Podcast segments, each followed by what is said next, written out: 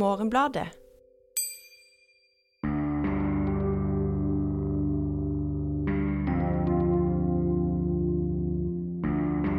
Så er det hva skal til for å kunne dyrke det nøkterne og det enkle. Livskvaliteten, liksom.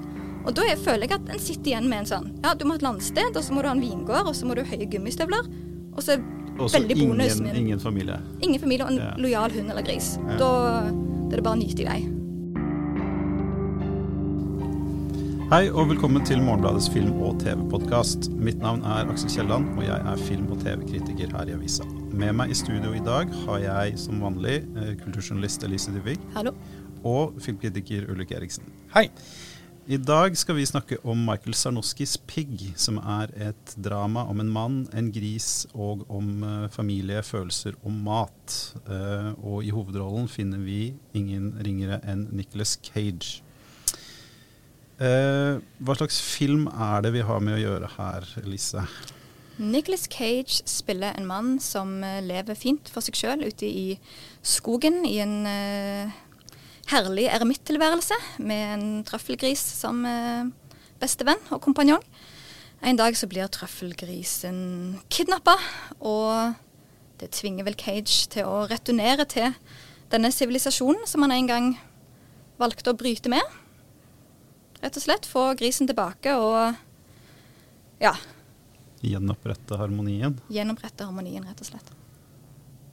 Um, den utspiller seg i Portland, og i Portland, Oregon og skogene utenfor der. Um, det er ikke, ikke ubetydelig. Uh, for at uh, Ja, jeg vet ikke, vi kan kanskje først alt dis ta diskusjonen om hvorvidt dette er en film om mat, eller om eh, det egentlig handler om noe annet, om maten bare er dekor.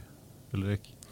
Ja, altså eh, Hovedpersonen han viser det seg jo Uh, Han er en tidligere mesterkokk. Uh, og, og har jo et, et sånt forhold til mat, indikerer filmen, som, som handler om at mat er eh, noe som kommer innenfra. noe som er naturlig for han. Eh, noe som på en måte ikke handler om penger, men som handler om på en måte kjærlighet. Altså, eh, filmen starter jo med at han presenterer han som en som bor helt alene, men han lager mat helt fra bunnen av med en veldig stor kjærlighet, og han deler da eh, denne fantastiske maten han lager med sin gris. Så det er på en måte Den fremstiller jo mat som noe som eh, først og fremst handler om måte et, et personlig forhold til ingredienser, og bearbeide det, og naturen ikke minst. Og bearbeide det på en måte som på en måte forhøyer det til et, til et høyere nivå. Eh, og som kanskje på en måte også fremstilles nærmest som noe kunstnerisk, da, og som, som har sin egen verdi utenom eh, hva det kan selges for.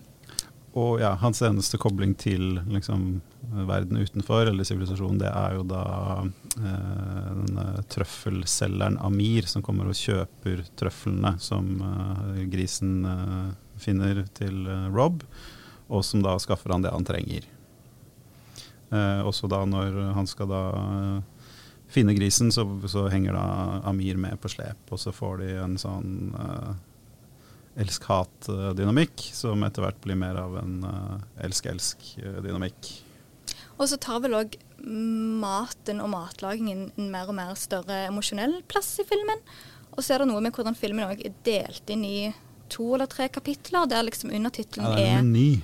en, en meny, ja, en Ja. matrett. Så den første er noe sånt som rustikk pai eller quiche med sopp, eller noe sånt. Og så, um, så her er det jo klart at maten har en, en veldig viktig funksjon, da. Om, eh, så det er spørsmål om det er hoved, hovedgreien. For det er jo helt klart at det, det er jo det å, å ha en å ha en trøffelgris en kan eh, forholde seg til i løpet av en dag, som er vel så viktig som, eh, som trøflene som grisen finner. Ja, altså, ja, men trøffelen har jo på en måte eh, Selv om trøffelen i seg selv ikke har en så veldig stor rolle, så, så, jo, så blir det jo et symbol på, måte på noe som på måte både er potensialet ved film, mat og natur, men også noe av faren eller det som på en måte kan ødelegge det. ikke sant? For det trøffel er noe som veldig mange vil ha, eh, men som er veldig vanskelig å få tak i. Så Derfor er prisene helt uh, sinnssykt høye. Og, og, det gjør noe med markedet, og det gjør noe med presset på hele matkulturen. Og det viser seg jo etter hvert at grunnen til at denne grisen er kidnappet, er jo nettopp pga. en del av dette trøffelmarkedet som er litt ute av kontroll. Mm. Ja, Men det er også da trøffelen som symbol på en sånn aspekt ved matkultur. altså Det er en råvare som ikke kan masseproduseres, i hvert fall ikke på den det nivået som markedet vil ha, eh, og den kvalitet som markedet vil ha. Og, og, og så Det er jo liksom svøpt i mystikk, og det er liksom ikke, det er ikke hvem som helst kan, kan finne det. Uh, og Det er jo da en viktig metafor i filmen for liksom det der, hva skal man si, matlagingens sjel, som denne filmen iallfall gir seg ut for å handle om. Det her er ikke den eneste filmen om dyr og trøfler som går på kino i Norge nå. Uh, man har også dokumentaren 'Trøffeljegerne' i Piemonte av Gregory Kershaw og Michael Dweck. Uh, hva slags bilde tegner den av trøfler og matkultur og mennesker og og, alt, rett og slett. Uh, nei, for det er jo påfallende at uh, Den så jeg òg denne uken. At den baserer seg rundt mye av det samme som uh, denne Pig-filmen gjør. At her har en, uh, en gruppe eldre italienske menn som finner stor glede i å ta med seg hundene sine ut i skogene og spore opp uh, veldig eksklusiv trøffel. Men igjen er det forholdet til hundene som på en måte gjør eh, denne turen så gledelig, eller er det liksom òg eh, mataspektet? Uh, eller om det kommer mer som en sånn ettertanke av, av den kvalitetstiden å være der ute i fri luft? Ja, og igjen så kommer jo også uh, dette trøffelmarkedet inn i den filmen. Uh, som, en, mm. som uh, på en, måte en påminnelse om syndens pøl der ute i verden. som er i ferd med å ødelegge dette, denne harmonien og, og, denne kunsten det er å finne trøflene. Og hundene i denne filmen er jo under konstant trussel mot å finne gift da, som blir lagt ut eh, som åte, eh, som da kan drepe disse hundene. Så, det, så den, den, eh, den, har jo mye av den samme på en måte eller håpet om en, måte, en, en naturlig, uskyldig verden. Eh, og trusselen fra liksom, omverdenen og det kommersielle presset på matkulturen som er i dag, og luksusforbruket, som på en måte ødelegger tradisjonene og balan ja. den økologiske balansen. på en måte. Men, ja, altså begge, har jo den, begge presenterer dette på en måte ideal, eller hva skal man si, drømmen om en sånn eh, Leve et liv uten alt som er ekkelt med det moderne samfunnet. Alt som er ekkelt med kapitalisme. En sånn uh, ja, litt sånn vindskjev harmoni med Eh, rus, altså det rustikke liv. da, Og, og jeg syns den Tøffeljegerne presenterer det som en veldig sånn sømløs overflate. Det er veldig lite under den overflaten av disse litt sånn sære uh, italienerne som er 87 år gamle, men insisterer på å, å gå ut i mørke natta og, og lete etter trøfler med, med, hundene sine og sånn. Mens i Pig så er det i hvert fall en sånn Den pirker i hvert fall litt i det. Uh, og den fremstiller det som også uh, uh, Cages eremitttilværelse er, er jo en tilbaketrekning fra verden etter konas død. men Ulrik, du skrev et annet, viktig, et annet, viktig, poeng med denne filmen, er som du skrev i din anmeldelse om hevnefilmtropene. Ja, som den bruker veldig aktivt. og den henter jo kanskje spesifikt veldig mye inspirasjon fra John Wick, særlig den første John Wick-filmen, og John Wick-filmen med, eh, Keanu Reeves, med Keanu Reeves eh, som kom i 2014, vel. Um, den er jo på en måte en slags nærmest en sånn uh, Den prøver å samle nesten alle tropene som er mulig innenfor på en måte hevnfilmen, og i tillegg liksom leiemorderfilmen, da. Men, men, men, den har en sånn mesterhjernetypologi Som på en måte bor Men som har trukket seg tilbake. Uh, og som har en sorg over den store kjærligheten som er død. Mm. Og har en, et kjæledyr som blir drept.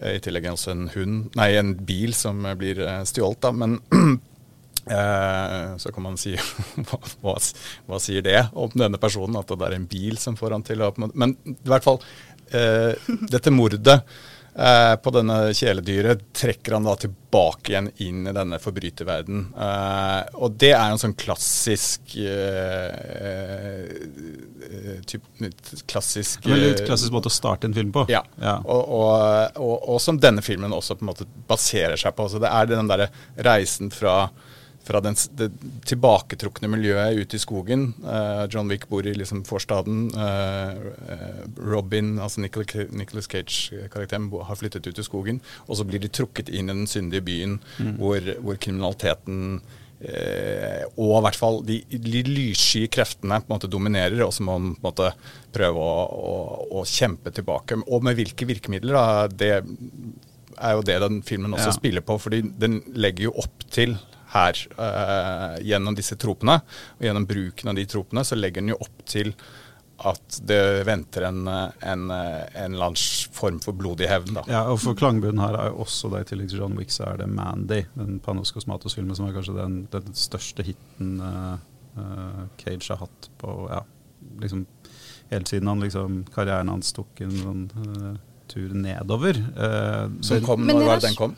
Nei, Det husker jeg ikke, det er vel fire år siden eller sånn nå. Den, men der, den starter med at han og kjæresten hans lever i harmoni i et sånt stort hus ute i, uh, ute i skogen hvor de tegner fantasy-tegninger og hører på King Crimson. Og så blir hun kidnappa, og så må han liksom gå veldig, veldig blodig til verks. Ja. så, og, og, Cage er jo, han er jo svær, han ser liksom skummel ut i denne filmen. Og det er jo liksom den spiller på. Den legger på en måte alt opp til at nå er det på tide å liksom myrde folk for fote. Ja, han har jo til og med, han går jo rundt med et ansikt fullt av blod, og det, mm. han tørker ikke av seg det, det, blodet. Det er vel det samme i Mandy. Eh, han går vel også der med et ansikt fullt av blod.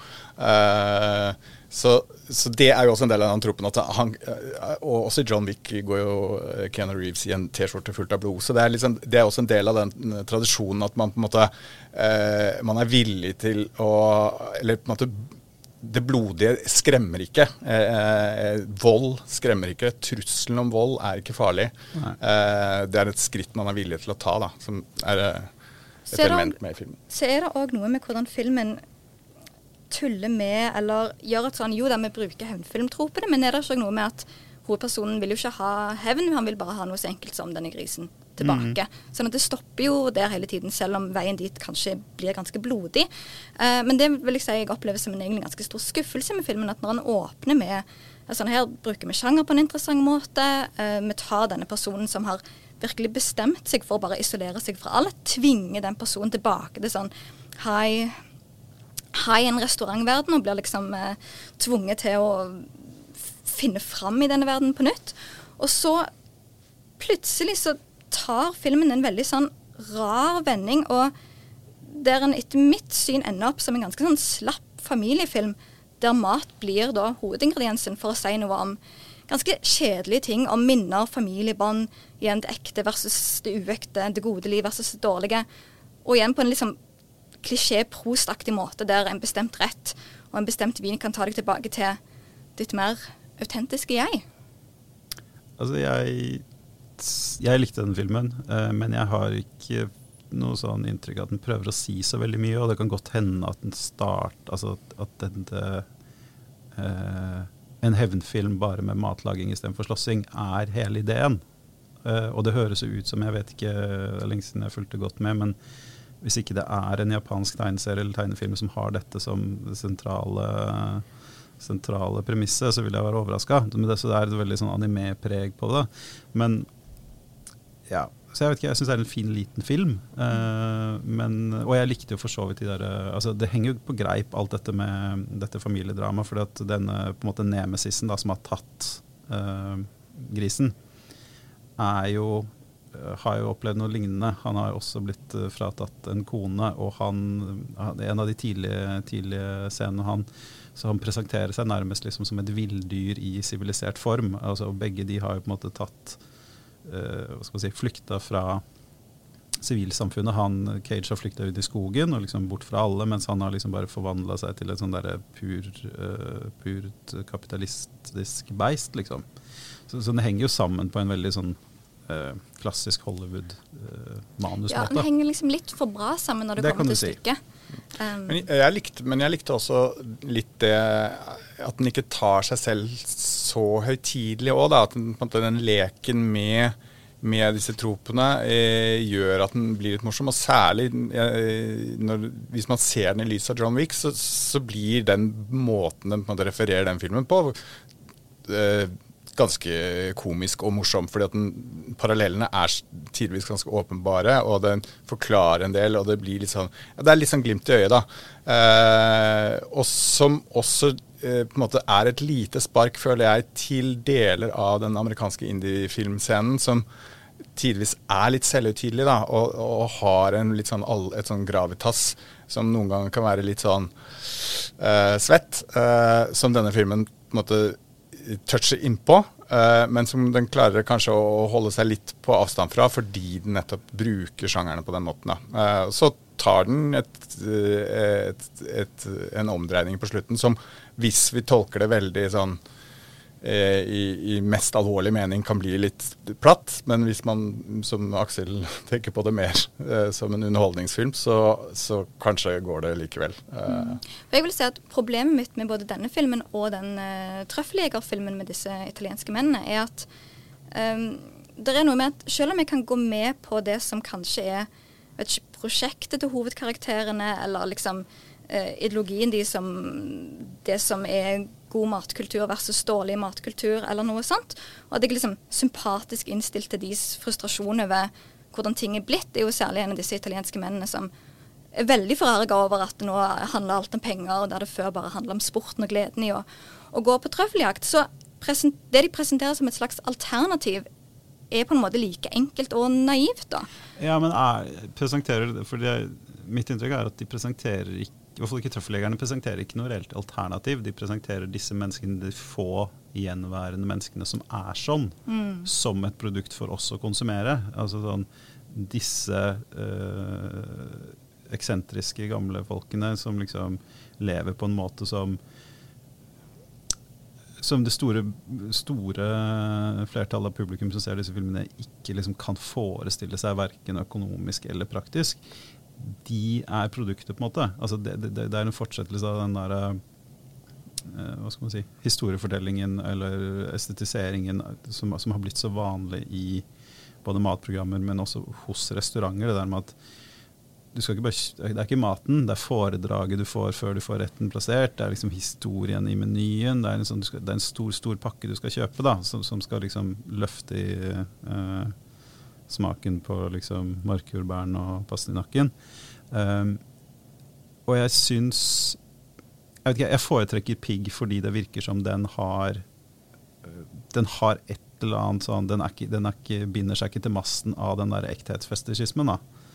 Nei, den satiriserer jo over det, og den har jo til og med en scene hvor de på en måte som er en veldig tydelig satirir, kanskje litt overtydelig satirisering av denne, dette behovet for historiefortelling eh, rundt uh, i restaurantverdenen og i gourmetverdenen. At man på en måte hvor det kommer en kelner som holder et sånt foredrag som inn, Forestill deg ditt og datt. ikke sant? Altså, og denne retten er på en måte en del av et sånt stort univers. Uh, ja, og da er det jo altså Rett etterpå igjen så får du da en kokk som kommer inn og uh, liksom sjefen på restauranten eh, som eh, hovedperson da får omtrent til å bryte sammen fordi han stiller dette spørsmålet. Men hvorfor er du på dette stedet, dette kjipe stedet, når du egentlig hadde en drøm om å starte en engelsk pub? Hvor er, hvor er engelsk pub-drømrealisering? Hvorfor solgte du deg sjøl på denne måten? Og da er det liksom at selv om jeg er med på Pigg veldig mye av veien, så har jeg en litt sånn klam følelse av at det jeg får, er liksom billig, melankolsk matpopulisme. Ja, for at, altså, at du får bare altså, at Poenget er en bedre historie. Ja. Altså en, en mer smakfull historie. Det er liksom, som han har gått videre for denne kokken da, som han, som han uh, får til å ta til tårene, for han liksom innser at han har uh, solgt uh, sjelen sin og, og, og, alt han hadde kjært. Han driver jo en sånn hva skal man si, en sånn kuppelrestaurant med røyker og aromaer og dekonstruksjon og, og alt sånt.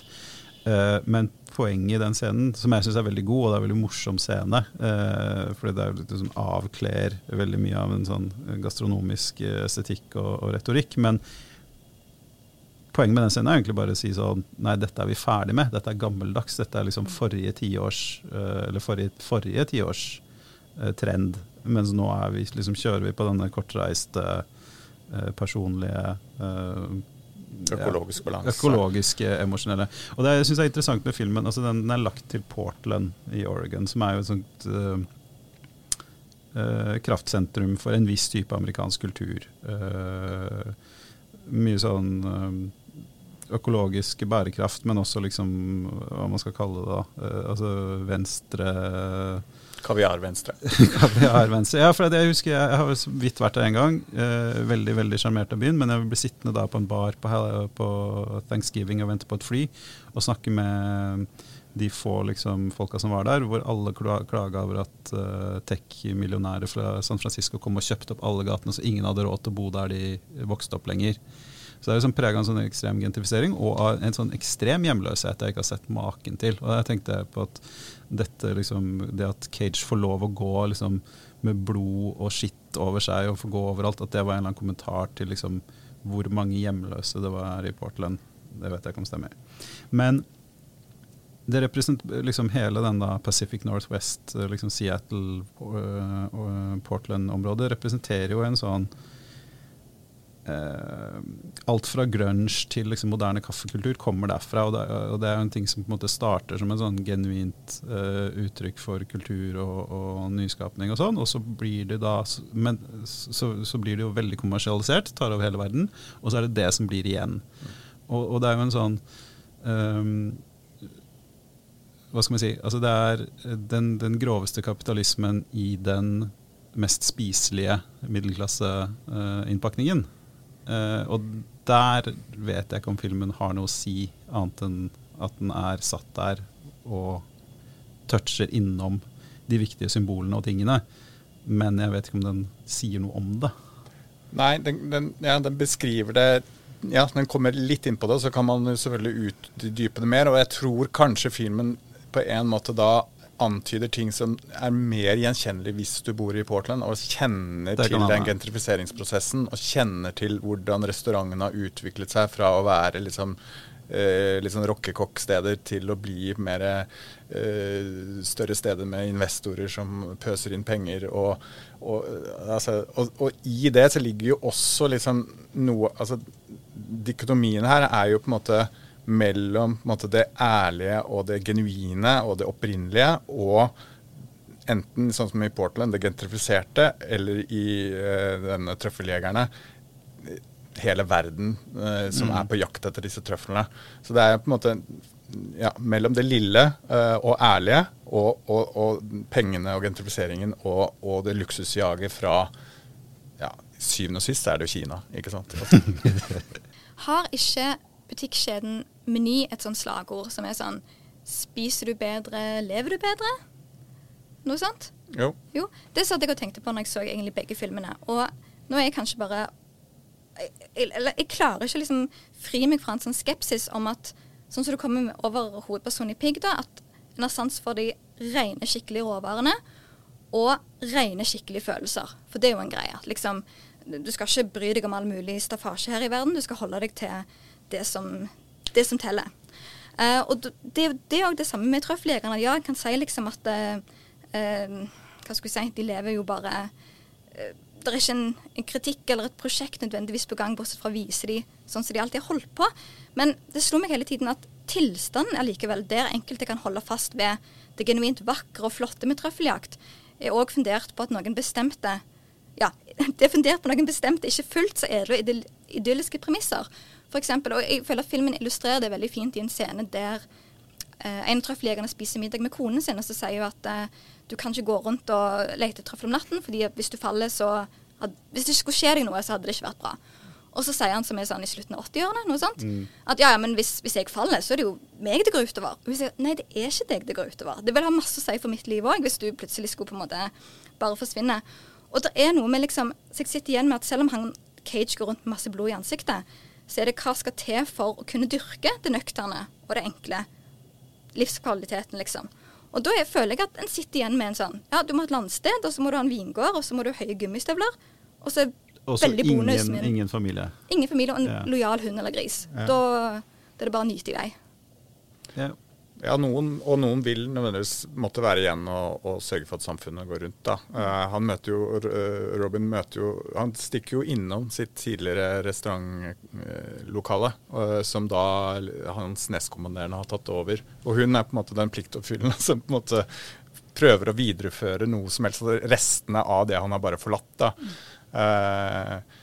og det er typisk at det er en dame, kanskje.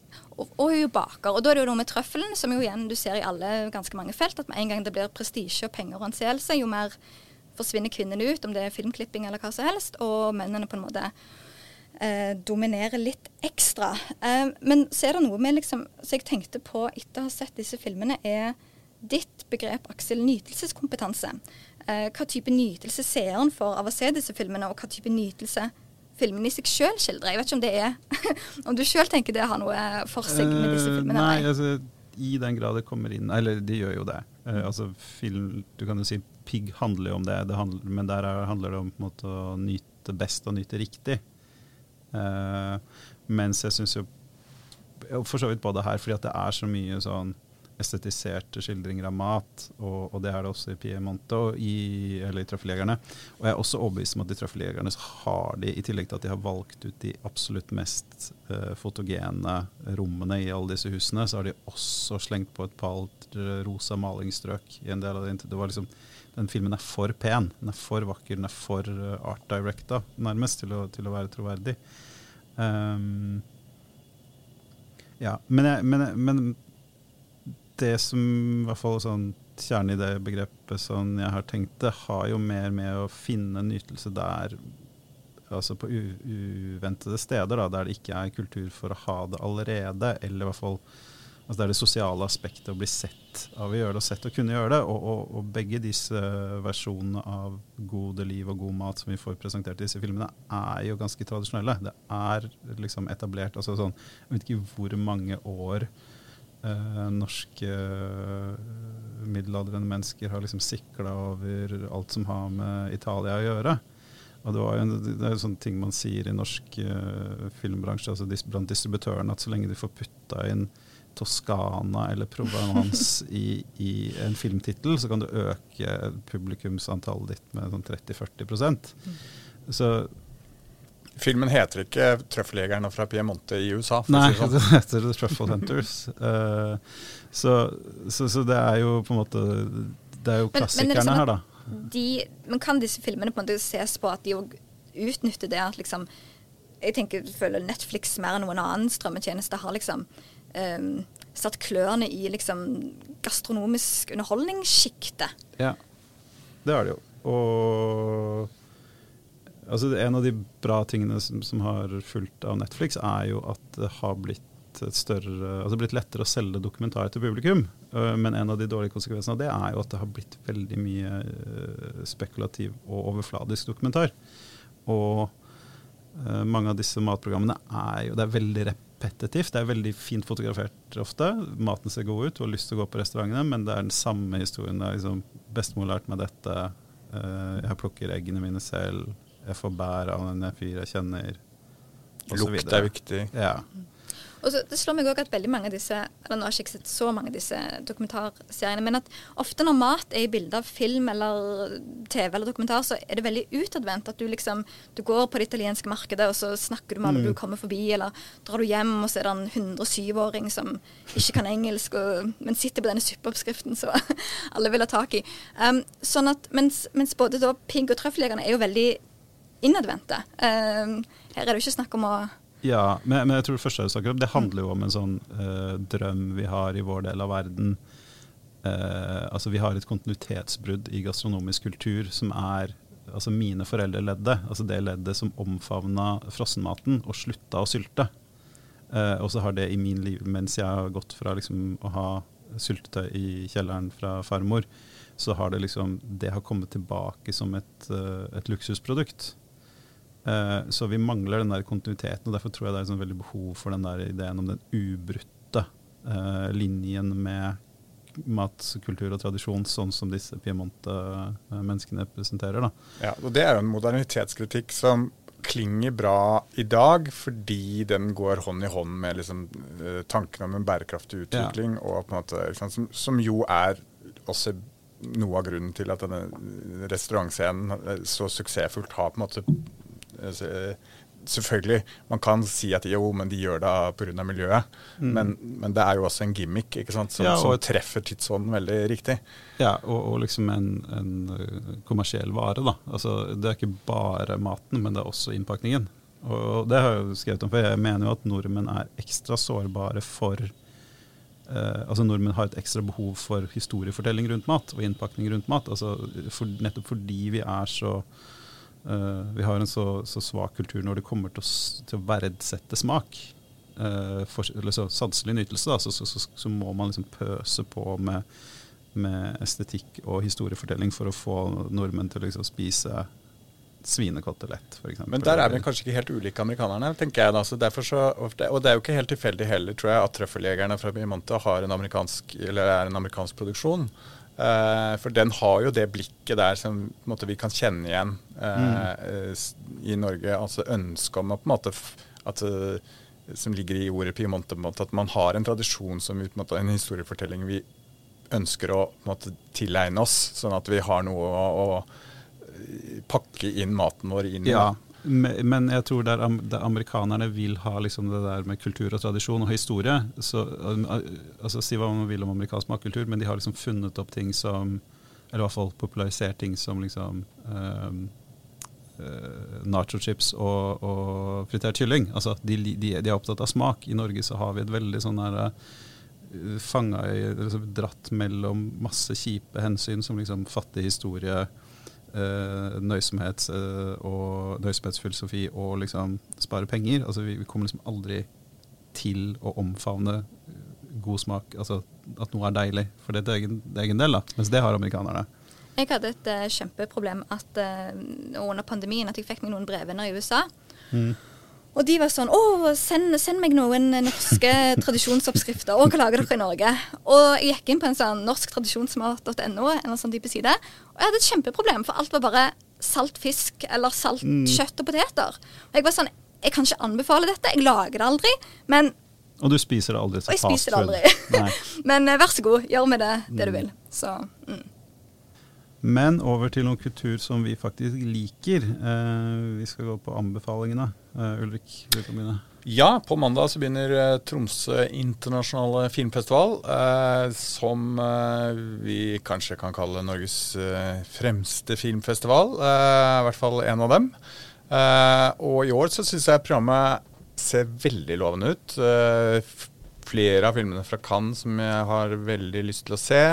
Eh, også andre festivaler fra, eh, filmer fra festivaler i Venezia. Og, og, eh, så eh, det gleder jeg meg til. Jeg skal dit selv. Eh, fra mandag til søndag foregår festivalen. Elise? Yes. Så kan jeg bare nevne for de av oss som ikke skal på festival, at jeg tror at det er et lite digitalt utvalg eh, for, eh, for, de som føler seg litt snurt og vil ikke kunne dra til Tromsø. Eh, men da tenkte jeg at jeg skulle trekke fram Agnes Varda, den franske filmskaperen sin film 'The Gleaners and I', en dokumentar fra 2000, som òg handler om mennesker som går og plukker mat og andre ting fra jorden og bakken, men ikke nødvendigvis trøfler. gjerne mer av nødvendighet eller kunstneriske hensyn eller etiske grunner. Og den uh, står seg veldig fint, tenker jeg, som en sånn noe å se enten før eller etter pigg- og trøffeljegerne. Uh, jeg skal anbefale The Empty Man, en uh, film jeg fant på SF Play. Det var en sånn film som ble dumpa, den kom ikke på kino. Den, den den forsvant liksom mellom stolene da Disney kjøpte opp Fox. Uh, det er, eh, Når man ser traileren, så ser det ut som en ganske sånn standard sånn uh, Slenderman-aktig uh, urban legend-grøsser. Men det er en, en, veldig solid og godt laga overnaturlig thriller. som jeg kunne sammenligna med, med, kjente, gode filmer, men det vil ødelegge overraskelsen. Og dette er en film som, hvor jeg for en gangs skyld syns det er viktig å ikke spoile. Uh, så den kan man Ja, jeg så den på SF Play, finnes også andre steder. The Empty Man. Jeg kan bare skyte raskt inn at uh, Agnes Warder-filmen ligger på strømmetjenesten Movie. Mm. Eh, det var det vi hadde for denne gang. Eh, vi er tilbake med en ny episode neste uke. Da skal Ulrik og jeg etter planen være direkte, eller iallfall direkte på bånn fra Tromsø. Eh, I mellomtiden så minner vi om Morgenbladets nettsider, hvor dere kan lese Ulriks anmeldelse av Pigg og andre saker om film og TV. Og hvor det også er mulig å tegne abonnement, abonnementet man trenger for å lese disse tekstene, og for å få papiravisa på døra. Da sier vi takk for oss, og på gjenhør neste uke.